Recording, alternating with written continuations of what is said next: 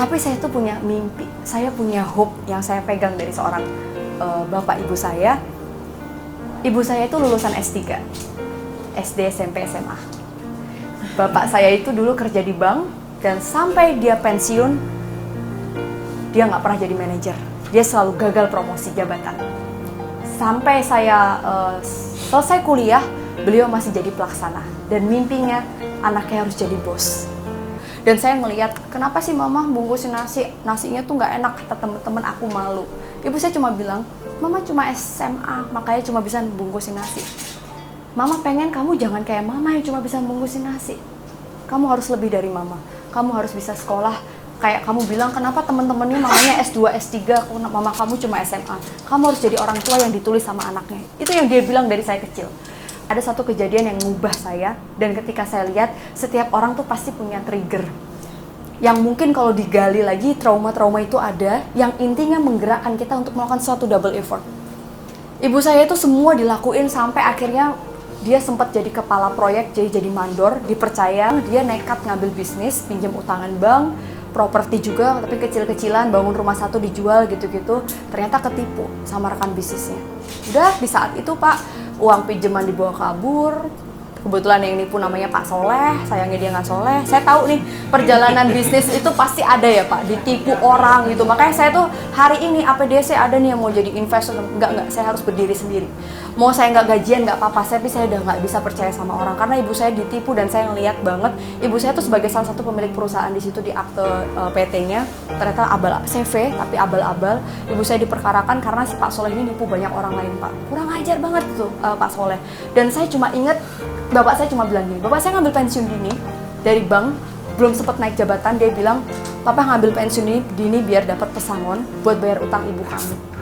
Dan dia bilang, kemarin rezeki kita satu liter dikumpulin, ibu saya nangis minta maaf, bapak saya cuma bilang, satu liter ini tumpah karena Allah pengen kita rezekinya cuma setengah liter.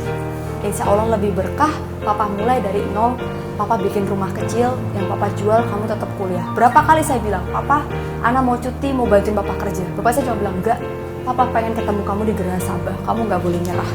Dia nyetater motornya mobilnya dijual dia berusaha.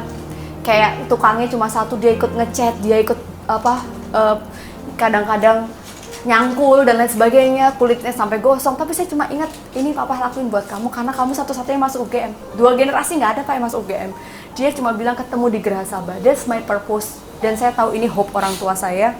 Jadi waktu saya S1 saya waktu itu skripsi saya ingat banget saya bilang ke dosen saya uh, prof saya pengen lulus bulan Januari karena saya pengen lulus terbaik. Kenapa analisa satu kesempatan beasiswa saya harus jadi lulusan terbaik di fakultas ini IPK teman saya yang IPK-nya 394 tuh banyak Pak di psikologi. Jadi saya itu bukan karena saya paling pinter dan IPK saya paling tinggi, tapi saya start lebih awal dan saya berusaha lebih keras.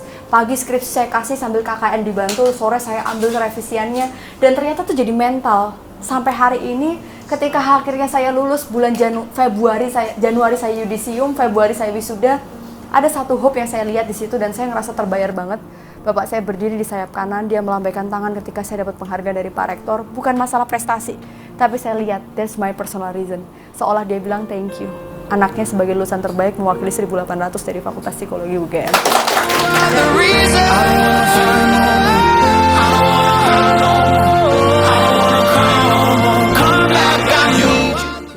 Dan kemarin Bapak Ibu, Alhamdulillah satu impian yang barusan tercapai. Ibu saya tahun lalu sakit diabetes dan sempat nggak bisa jalan. Terus ibu saya bilang mama kenapa nggak nggak semangat berobat? Ibu saya cuma bilang udahlah mama udah nggak bisa sembuh lagi karena stroke. Saya bilang kalau mama sembuh mau mau apa? Mama yang ngajarin anak tentang hope dan purpose. Mama pengen umroh. Oke okay? kalau ada rezeki insya Allah kita umroh. Bulan Desember ibu saya stroke Januari Februari dia berobat rutin Maret tiba-tiba dia bisa jalan dia nagih umroh pak dalam artian yuk kita umroh. Waktu itu pekerjaan saya lagi sangat padat banget dan saya bilang mah oke okay, insya Allah ada rezeki ya mah. Gimana caranya nanti kita umroh sesuai janji anak dan masya Allah tabarakallah pak nggak ada maksud sombong.